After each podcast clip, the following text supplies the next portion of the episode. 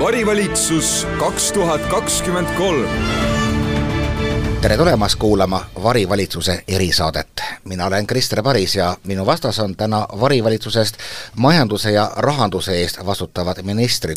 Joakim Helenius Eesti kahesajast ja Taavi Aas Keskerakonnast, mõlemad suurte rahasummade liigutamisega kokku puutunud mehed ja alustame siis, nagu ikka, kommenteerime tänast valitsuse pressikonverentsi, mis algas kiidusõnadega, et gaasi hind on langenud seitsekümmend protsenti, elektri börsihind on viimase seitsmeteistkümne kuu kõige madalam ja vabu töökohti pole olnud kunagi nii palju põhimõtteliselt pole Eesti elanud kunagi niivõrd hästi. Need on siis peaminister Kaja Kallase sõnad.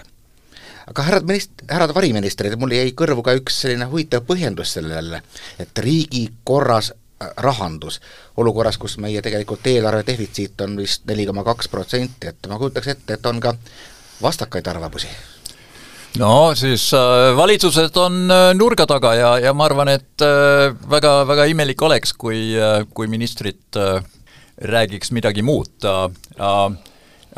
Tõsi on, et, et need head asjad, millest räägiti nii pikalt, ei ole, ei ole, ei ole Eesti poliitikute äh, otsustega seotud, et, et äh, nad on, on, on, on pigem tulnud meile äh, väljaspoolt, et, et äh, kokkuvõttes ma ütleksin nii, et, et see, mis mulle jäi, jäi nagu kõrva äh, sellest äh, pressikonverentsist, oli, oli äh, Kaja Kallase siis peaministri äh, ke-, ke-, peaminister, kes, kes, kes ütles, et, et meil läheb hästi, sellepärast et meil kasvab majandus null protsenti võrra äh,, Äh, ja kui äh, Ukrainas äh, see langeb kolmkümmend protsenti, et see, see oli natuke naljakas väljaütlemine küll.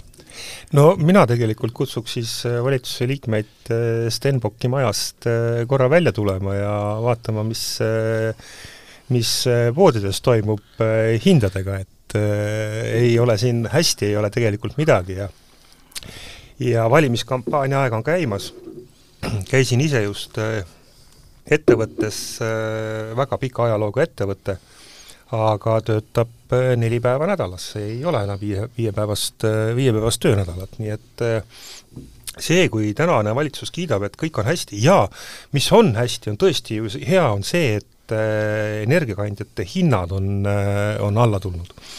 aga me kõik teame, et ka varasemalt on öeldud hoiatusi, et see ei pruugi sugugi mitte, mitte selliselt jääda sest et tõesti, mis on juhtunud, on see, et äh, ei ole nii külma äh, talve, kui kardeti, see on kindlasti kaasa aidanud sellele, aga me peame vaatama ikkagi pikemat perspektiivi.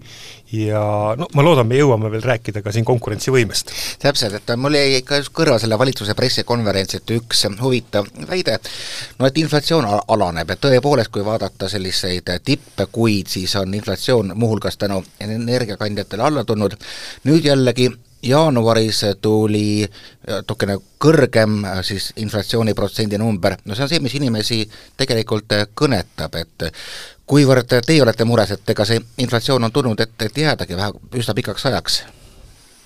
ma arvan, et äh, me näeme veel seda, et baasefekt, äh, mis, äh, mis tähendab seda, et, et, et siis kui läheme aasta võrra tagasi ajas, nii mis oli inflatsioon siis, nii me kohe, kohe näeme seda, et, et meie inflatsiooninumbrid langevad sellepärast, et äh, et nad oli aastad tagasi nagu tõusnud nii, nii kiiresti. See loomulikult äh, iseennast ei tähenda seda, et hinnad tuleks äh, allapoole või langevad, see tähendab ainult seda, et, et hindade tõus äh, aeglustub no ma ütleks nii, et tõus äh, aeglustub võrreldes äh, sellega, mis on selle aasta jooksul toimunud, et äh, kõik äh,, nagu füüsikas öeldakse, et kõik sõltub taustsüsteemist, millega võrrelda.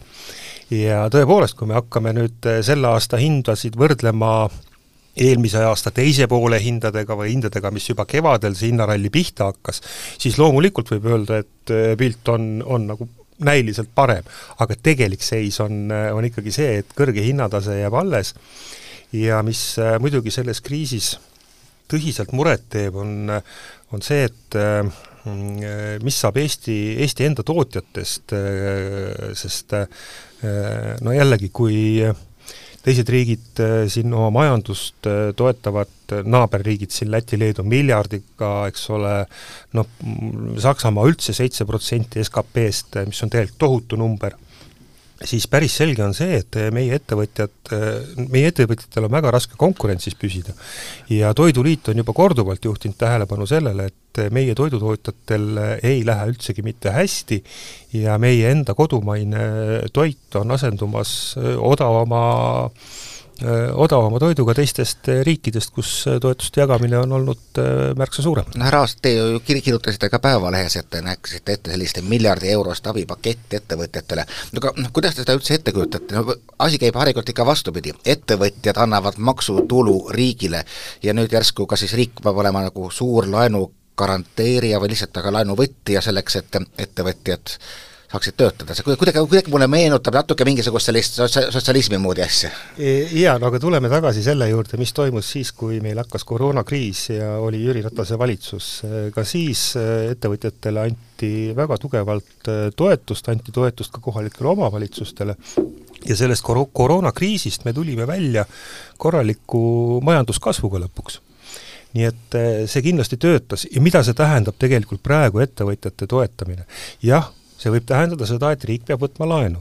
aga kas me, küsimus ongi selles, kas me tegeleme põhjusega või me hakkame tegelema tagajärgedega, sellepärast et kui Eesti tööstus äh, hävineb, Eesti enda tootjad äh, selles kriisis äh, kaotavad konkurentsivõime, siis tegelikult perspektiivis jällegi riigi tulude laekumine täpselt samamoodi väheneb. täna on valimiste aeg, kõik annavad suurepäraseid lubadusi, aga kuidas kavatsetakse neid lubadusi täita, kui me oleme oma tööstuse lasknud hävida? vaata äh,, mina, mina ütleksin äh,, mina ütleksin nii, et, et äh, ma kardan seda, kui räägitakse suurtest numbritest, siis toetustes äh, miljard eurot, äh, äh, kas sa, Taavi, tead, kui suur osa meie SKP-st see on, et, et jaa, aga see on täpselt see, mida on teinud Läti ja mida on teinud ka Leedus, see on suur number, ma olen sellega nõus, aga me peame olema selles samas taustsüsteemis, kus, kus on teised, kui me sealt välja jääme, siis on meil probleem. mul on äh,, mul on natuke teist, teine, teine äh, viis seda probleemi äh, lähendada, et, et ma olen ise, ise, ise ettevõtja, mul on tööstusettevõtteid, mul on põllumajandusettevõtteid ja, ja noh, kinnisvara äh, poolel olen aktiivne ja, ja, ja nii edasi, et, et, et mina näen seda äh, äh, minu ettevõtetes ja, ja ma, ma kardan seda, et, et kui riik läheb äh, äh, liiga suurte toetustega nagu äh, ettevõtjaid äh, toetama, kaob ära efektiivsus nimelt ja, ja see, see konkurentsivõimelisus ongi, ongi alati nagu äh, seotud äh, selle äh, selle kuluefektiivsusega, et, et siis põhimõtteliselt äh, ettevõte peab olema väga kuluefektiivne, kui see tahab tulevikus ka välismaiste konkurentidega äh, konkureerida. ja, ja selles mõttes nii see, mis on vaja, on, on väga-väga hästi fokusseeritud toetused siis kui on küsimus ettevõttes, kus, mis, kus, mil, mille, millal muidu läheks hästi, aga energia hind näiteks äh, on sellele, sellele nagu äh, ajaline probleem, noh seda saab, saab nagu äh, fokusseeritult toetada, aga selliste suurte summade nagu helikopteri rahaga nagu välja, välja panna, nii ma usun, et see ei ole lahendus. hästi, räägime selle miljardi siis lahti, äh, mis see meie jaoks tähendab. Kõigepealt jaa, äh, kakssada miljonit äh, tegelikult meie ettepanek ongi just nimelt toetada ettevõtteid selle energiakriisis, just nimelt energiahindade odavdamisega.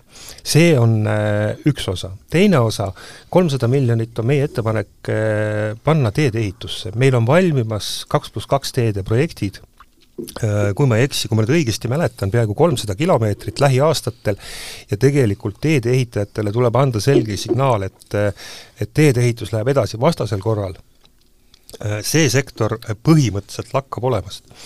kolmas osa sellest äh, meie paketist oleks ehituse mm, kontratsükliline toetamine, ehk et äh, teha äh, riigi tellimusel ehitusi selleks, et ka ehitusettevõtted äh, saaksid edasi eksisteerida.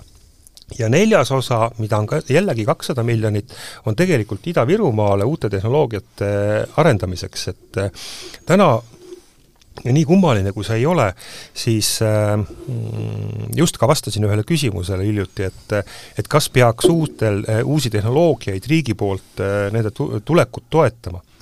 jah, peaks ja siin on kaks põhjust üks on see, et äh, tihtipeale uued tehnoloogiad äh, ei ole võimelised äh, turupõhiselt turule tulema, no näiteks vesinik on täna, täna nii palju kallis, et ta turupõhiselt on väga raske teda turule tuua. Ja teine on see, et kõik riigid võistlevad omavahel selle eest, kes saab endale rohkem uute tehnoloogiatega tegelevaid ettevõtteid.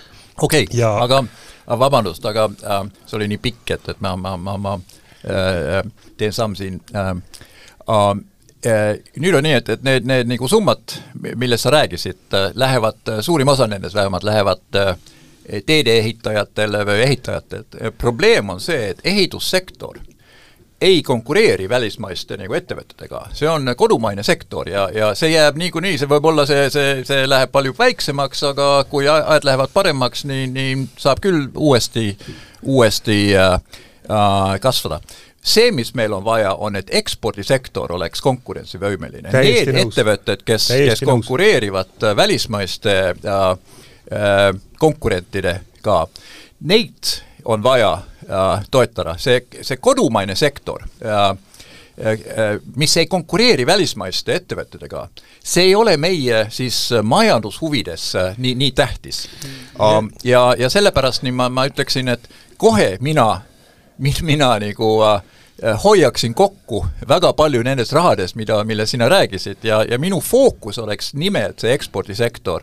ja teine fookus on äh, minu arvates see, et meil on vaja äh, natuke äh, pikemas plaanis, siis kesk, keskpikas plaanis, kiiresti välja ehitada roheline energia. Ja seda meil on võimalus teha näiteks äh, meil on väga pikk rannik äh, äh, ja, ja meri siin on väga madal, et me saame väga suured äh, tuulepargid siia üles ehitada, arendada ja, ja nendega saame kordades rohkem elektrit toota, rohelist elektrit toota, kui mida meil on vaja. saame suureks spordiaks ja meie, meie energiaintensiivsed ettevõtted saavad suur, suured nagu konkurentsieelised välismaiste konkurentide vastu ma ei ole äh, sugugi mitte rohelise energia vastane, aga siin tuleb väga selgelt endale aru anda, äh, mis see roheline energia maksma läheb. jah, me tegelikult Eesti vajaduse saame sisuliselt katta maismaa tuuleparkidega. Äh, nüüd meretuulepargid, mis on noh, sisuliselt nende toodetav energia on kuskil kaks korda peaaegu kallim, kui on maismaa elektrienergia tuul-, siis tuulikutega toodetud. ta on kaks korda kallim ja, ja teine probleem millest tihtipeale ei taheta üldse rääkida, on see, et need tuulikud kõik vajavad ühendusi. ja need ühendused, need on juba tohutult kallid. nii et kui me Eestis saaksime tehtud kas või selle oma ühise projekti Lätiga, miks me sellele läksime, sellepärast et seal saab ühenduste jaoks Euroopa Liidu tuge. vastasel korral öö, ühendused lähevad juba ainuüksi meie võr-, võrguteenuse kasutajatele nii palju maksma, et see efekt sellest rohelisest energiast kaob ära. teiseks, äh, meil ei piisa ainult sel-, kui me tahame olla eksportijad, siis ei aita ainult sellest, kui meil Eestis siin on võrgud vastavad sellele tootmisele. ka teistes riikides peab olema võimekus seda toodetud energiat vastu võtta. nii et seda osa ei taha ka kindlasti unustada. nii, me jõudsime ühte valdkonna, mis on kahtlemata väga oluline, ehk siis kogu energiapoliitika, see väärib täiesti omaette saateid ja, ja käsitlusi. aga me paljuski nagu vaatasime praegu mööda ühest sellest suurest elevandist toas, mis meie mõlema jutus käis läbi, et riigid konkureerivad omavahel. see on täiesti nagu vastuolus minu jaoks selliste Euroopa Liidu aluspõhimõtetega, jah, de facto see on niimoodi, kas on midagi, mille, mida, mille suhtes me üldse saame midagi ette võtta? et ka ju need, need riigid, kes praegu toetavad oma ettevõtjaid, nad ei suuda seda teha igavesti. ehk siis ka nendel tulevad, tulevad raskused ja ometi noh, kõik saab aru saada, miks seda te tehakse praegusel hetkel, et rahustada. kas on midagi, mis on üldse meie võimuses või on see nagu, nagu halb ilm? ei, siis ma ütleksin nii, et, et riigid ei otseselt konkureeri teineteise vastu. ettevõtted konkureerivad teineteist vastu ja riigid üritavad omad ettevõtted selles konkurentsis aidata. see on suur, suur nagu vahe. Ja, ja, ja kindlasti seda tehakse nagu Euroopa Liidu reeglide järgi, et, et, et äh, ja küsimus ongi selles, et, et no kui naaberriigid äh, on äh, omad ettevõtted palju rohkem toetanud kui Eesti, nii kas, kas Eesti on midagi väga valesti teinud ja kas me peame nagu järgmises valet-, valitsuses asjad nagu väga teistmoodi teha? no ma arvan, et, et, et nagu ma ütlesin, nii, nii äh, meil on vaja nimelt äh, hästi fokusseeritud toetused. Äh, ja ajutised toetused, siis kohe, kui kriis läheb mööda, nii, nii me lõpetame äh, ettevõtete toetamine, siis äh, erasektori ettevõtted, ettevõtted, ettevõtteid on, on, on vaja toetada ainult, kui on kriis käes ja väga fokusseeritud. muidu äh, nad saavad ise hakkama ja nii, nii peaks saama, kui nad, kui, kui nad ei saa, ei saa hakkama headel aegadel, no siis äh, ei ole mõtet neid elus äh, pidada. lepime sellega, et, et ähm, praegu, et Euroopa ühisturg selle koha pealt ei toimi, et ikkagi luuakse ebavõrdseid konkurentsieeliseid enda omadele? Äh, absoluutselt ja, ja kui me veel mõtleme siin mõned aastad tagasi, siis riigiabi reeglid olid väga jäigad ja päris kindlalt paigas. kui me vaatame täna riigiabi reegleid, kuidas neid tõlgendatakse Euroopas, siis pilt on absoluutselt teine, nad on muutunud mingisuguseks kummipaelaks või, või neid, kui ikka riik väga tahab, siis ta painutab neid väga osavalt, et eh, ega siis sakslaste seitse protsenti SKP-st eh, noh, kaks aastat tagasi ei oleks mitte kuidagi õnnestunud sellise raha pan-, panemine ettevõtlusse. täna äh, jah, ma tean, kõik kõrv-, naaberriigid on väga pahased sakslastele selle eest, mis nad teevad, sest Saksa jõukas riik saab seda endale lubada, eks ole, aga, aga nad teevad seda. ja kui me nüüd võtame, eks ole, siin Eesti, siis no riigiabi reeglid lubasid üsna, üsna lihtsalt aidata mikro- ja väikeettevõtteid, eks ole. ja siis Euroopa Liidust tuli sõnum, et ka keskmiseid ettevõtteid võib selles energiakriisis riik aidata Eesti valitsus paraku keskmiste ettevõteteni ei ole jõudnud, aga noh, keskmine ettevõte tegelikult, see keskmise ettevõtte mõiste katab juba ära väga suure osa e-, Eesti, Eesti ettevõtlusest, eks ole, et noh, kui, ja kui mikro- ja, ja väikeettevõtteid ka aidatakse, siis me tegelikult juba Euroopa reeglite järgi saaks, oleks mäel ja saaks aidata. No lisaks siia juurde veel see, eks ole, et mikro- ja väikeettevõtjatele on ette nähtud see universaalteenus, mis ma arvan, on no isegi minister juba tunnistab, et asi on läbi kukkunud, et no, ta... ei, ei, ei ole sellest äh, abi olnud. ikkagi jõuame sinna eelarve defitsiidini neli koma kaks protsenti, no kust me veel toetame ettevõtteid, milli, mille arvelt? tõstame veel defitsiiti? jaa, aga kui me ettevõtteid kriisis ei toeta, ma olen täiesti nõus sellega, et ettevõtted peavad headel aegadel ise hakkama saama, ma ei ole üldse selline, kes, kes ütleks, et kogu aeg tuleb ettevõtteid äh, toetada, absoluutselt mitte. aga kui me seda kriisis ei tee, kui majandus, äh, äh, kui ettevõtted lähevad kriisis pankrotti, lõpetavad tegevuse, to-, to-, toodavad näiteks neil mitte viis päeva ei ole töönädal, vaid on neli päeva töönädal, siis see tähendab seda, et see defitsiit äh, tulevikus veelgi kasvab. ja, ja kõige hullem olukord on see, et kui teistes riikides hakkab juba hästi minema, meil on ikka veel öö, äh, probleem, siis öö, hakkavad ka ettevõtted vaatama teiste riikide poole. no nüüd me, me, Taavi, ma arvan, et, et ähm, et äh, pärast seda vestlust siin, nii, nii sa, sa lähed tagasi ja ütled äh, kolleegidele seal Keskerakonnas, et nüüd, nüüd me, me muudame seda nagu äh, meie, meie majanduspoliitikat, mida me oleme, millest me oleme rääkinud. et tähtis on, on, on, on nimelt just see, millest sina ka nüüd rääkisid, et et me, et me kui vaja, toetame äh, nimelt ekspordisektori ettevõtteid fokusseeritult, neid, kes, kes seda vajavad ja, ja neid, kes seda ei vaja, no neid ei ole vaja ka äh, toetada, et iga, iga, iga euro, mis läheb toetustele, peame mingil hetkel tagasi maksta, kuskilt, see raha tuleb kuskilt, et kui me oleme defitsiidis eelarvega, nii loomulikult äh, põhimõtteliselt laenudelt. ja, ja, ja selles mõttes nii see, et me oleme ettevõtu-, ettevõtteid äh, vähem toetanud kui, kui näiteks Läti, no tähendab seda, et, et meil on meil on mingisugune konkurentsieelis riigina tulevikus. Meil härra Helenius, te, te natuke minu jaoks räägite praegu endale vastu võrreldes oma varasemate mõtetega, kui te olete hästi palju nagu rõhutanud, riigiaparaadi bürokraatia vähendamist, kuidas me teeme kindlaks, kes vajavad abi, kes mitte, see vajab väga palju bürokraate, väga suurt riiki?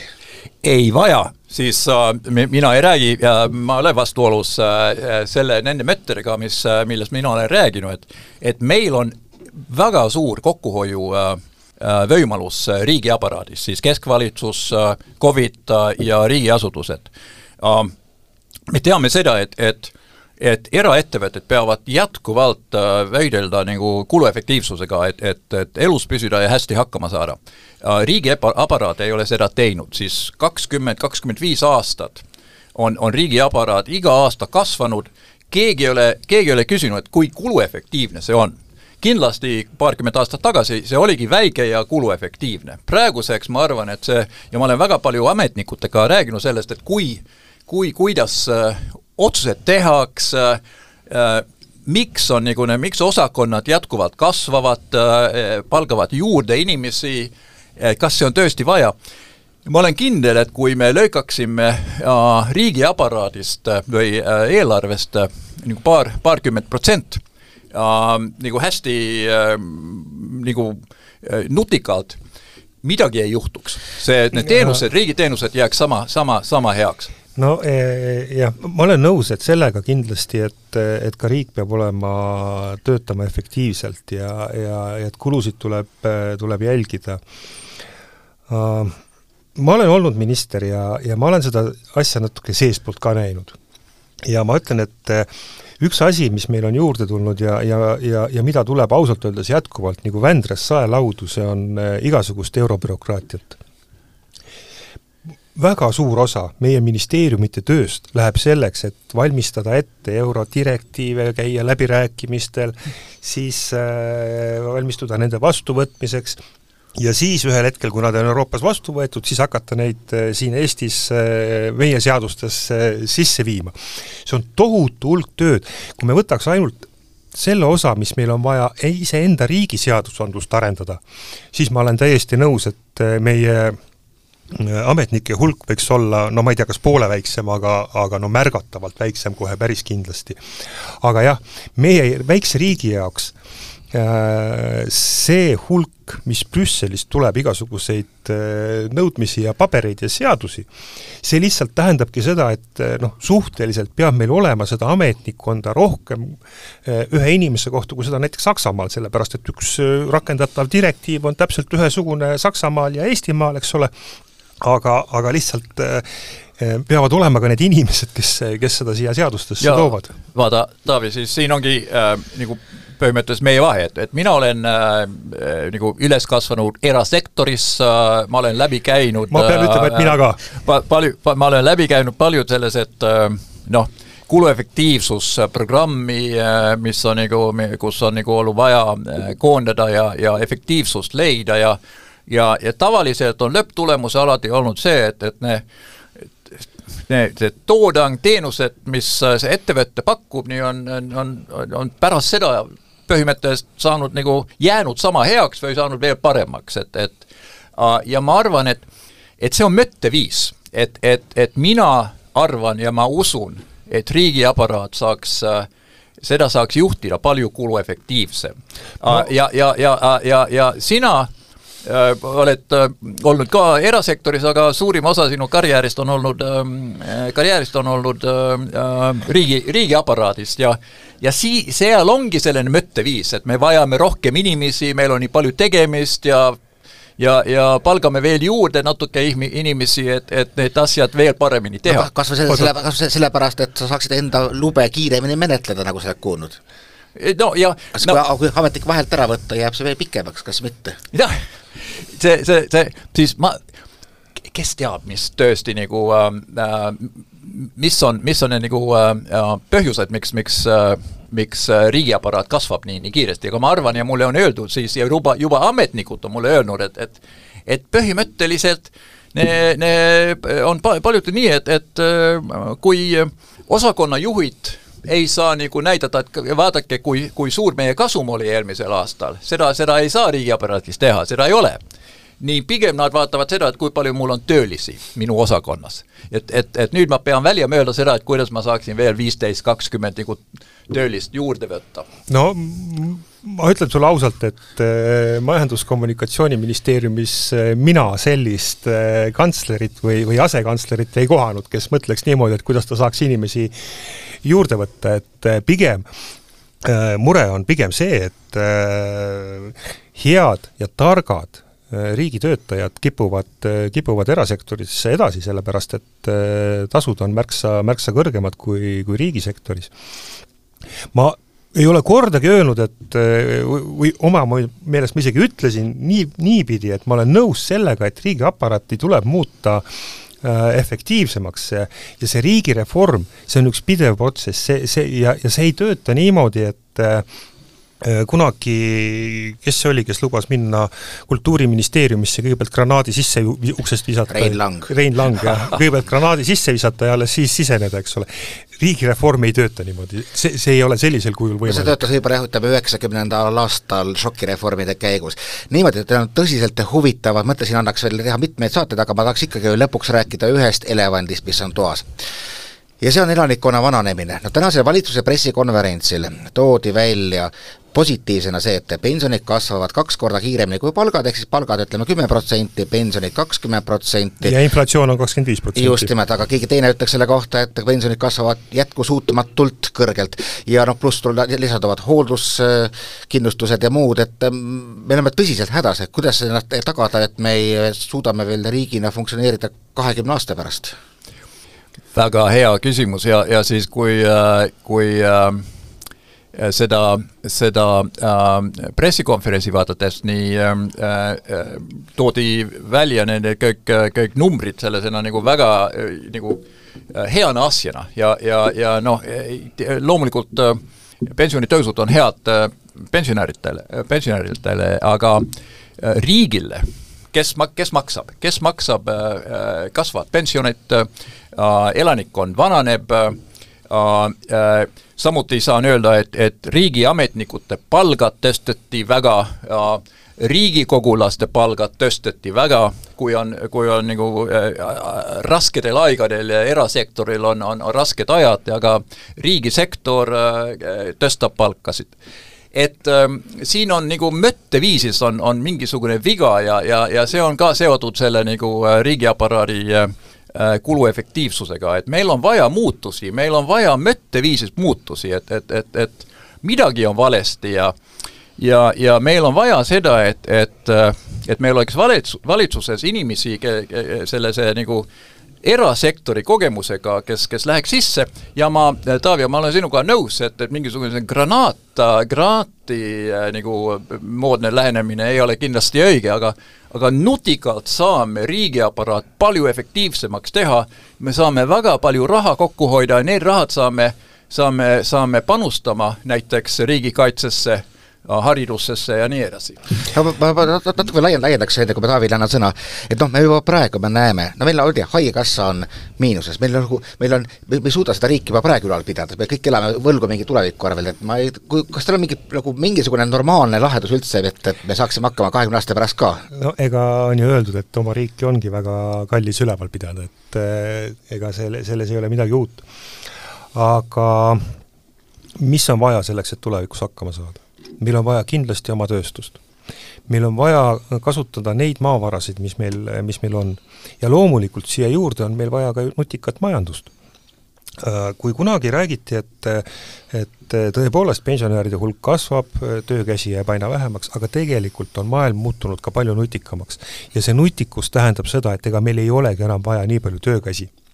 kui me võtame kunagised no ma ei tea, maapiirkonnas, eks ole, ühes majandis oli seal kuussada töötajat, okei okay,, seal olid ka need lasteaiakasvatajad ja kõik juures, aga tootmisedega tegeles võib-olla seal kaks-kolmsada inimest, eks ole. täna sellesama töö teevad ära kümme, kakskümmend inimest, mis no kümme korda vähem inimesi kui, kui kui, kui toona. Nii et maailm muutub ka nutikamaks ja see annab meile uusi võimalusi. aga oluline loomulikult on meie jaoks see, et me nendest, sellest nutikusest ise ka sellega kaasa läheme, ei, ei, ei passi kõrval. aga, aga lisaks nutikusele ma jään selle juurde, et on vaja ka oma tööstust, oma toiduainete tööstust, need asjad peavad meil alles jääma absoluutselt ja ma arvan, et, et, et meie eesmärk Eestis, Eesti on väike paindlik ja äh, riik äh,, inimesed äh, saavad hästi digimaailmaga hakkama äh,. meil on väga hea võimalus Eestis teha näide kogu maailmale sellest, kuidas, äh, kuidas äh, teha maailma kõik kuluefektiivsem riigiaparaat Äh, kuidas viia läbi äh, äh, väga radikaalne selline rohepöörde, eriti energeetikas, kasutades ära meie võimalused, eriti meretuulepargides. ja ma ütleksin nii sellest, et, et praeguseks on meretuulipargid selles, et need tuulikud saavad nii suureks, et nende nende efektiivsus läheb äh,, ma arvan, sama suureks või juba suuremaks kui maismaa äh, Äh, tuulikute efektiivsus. jah, see kõik, kõik, kõik on uhke makroökonoomika, ma tahaks ikka päris lõpus tulla tagasi veel lihtsa inimese juurde, et noh, Eesti on selgelt muutunud väga palju noh, sotsiaalsemaks riigiks, kui ta oli üheksakümnendatel. meil on lisandunud hästi palju toetusi, mõned neist vastuolulised, nagu, nagu Taavi Aasa ilmselt toetatud noh, nii-öelda tasuta eh, ühistransport, ehk siis no me oleme ka, kui räägime praegu ettevõtjate toetamisest, me oleme ka lihtsalt mingisuguse raha eraldamisega mis alati on nagu saajate jaoks vähe, ennast ka üsna nagu nurka mänginud. kas kujutate ette, kui te tulete võimule umbes loosungitega, et me selle ja selle ja selle toetuse võtame ära, sest et nii on riigile tegelikult kasulikum, see ei ole poliitiliselt vist üldse enam kahjuks jätkusuutlik või? no jah, ma arvan, et see on, see on loomulik, et riik on muutunud palju sotsiaalsemaks, sellepärast et ega lõppude lõpuks me oleme ka rikkamaks saanud ja, ja riigi ülesanne tegelikult ongi ju tagada see, et äh, sellel riigi territooriumil oleks kõigil ühtemoodi hea elada. jah, keegi on rikkam, keegi on vaesem, aga ka see, kellel, kes on vaesem, ka temal peab olema hea elada selle riigi, riigi, selles riigis, nii et see, et toetatakse, mm, toetatakse rohkem, ma arvan, see on täiesti, täiesti, täiesti loomulik ja, ja oleks lausa kummaline, kui, kui me täna oleks äh, toetustega samal tasemel kui üheksakümnendatel, et no ma, ei kujutaks seda, seda ilmselt ette palju meil sellest nagu riigieelarvest praegu lukus on mingi kaheksakümmend kaks protsenti, et nagu eelarvega annab hästi vähe mängida, et kõik on nagu sundkulutused juba, eks ole? no praktiliselt äh, äh ongi praktiliselt on kõik sundkulutus. väga suur osa ka investeeringutest on juba sundkulutus, sellepärast et kui ühte investeeringut on mingil hetkel alustatud, noh siis on ta mõistlik ka lõpuni teha, nii et äh, järgmiseks aastaks on, on need rahanumbrid jällegi lukku kirjutatud, et noh, sisuliselt mis me võime öelda, on see, et äh, sundkulutus ei ole ainult see investeering, mida ei ole veel alustatud. härra Helinos, millise toetuse te lõpetaksite? no ütleksin nii, et, et esialgust nii, nii äh, fokusseerimine, toetuste fokusseerimine ettevõtjatele, aga ka inimestele on, on tähtis. helikopteriraha kindlasti ei tee, ei tee äh, et, äh, majandust äh, efektiivsemaks. Need, need inimesed, kes vajavad toetusi, need pea, peavad ka saada toetused. mina näiteks, minu lapsed võib-olla ei vaja lapsetoetusi nii palju kui mõned teised üksikemade või, või, või, või teised lapsed. et meil on andmebaasid olemas selles riigis aga me ei kasuta neid.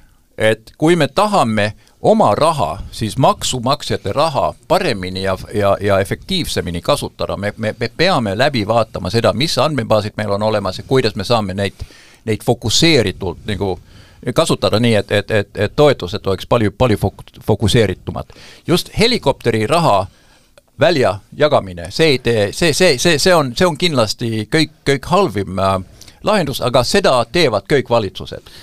Joakim Helenius ja Taavi Aas, ma pean ütlema, et kõikides nendes varivalitsuse saadetes, mis siiamaani on olnud, ma näen teie puhul esimest korda, et see valitsus võis ka päriselt toimida, et rohkem ikkagi on koosmõtteid kui, kui erimeelsusi, mis on täiesti üksteist välistavad. aitäh kõiki kuulamast, mina olen Krister Paris Eesti Päevalehest ja jälle kuulmiseni siis uutes varivalitsuse erisaadetes. varivalitsus kaks tuhat kakskümmend kolm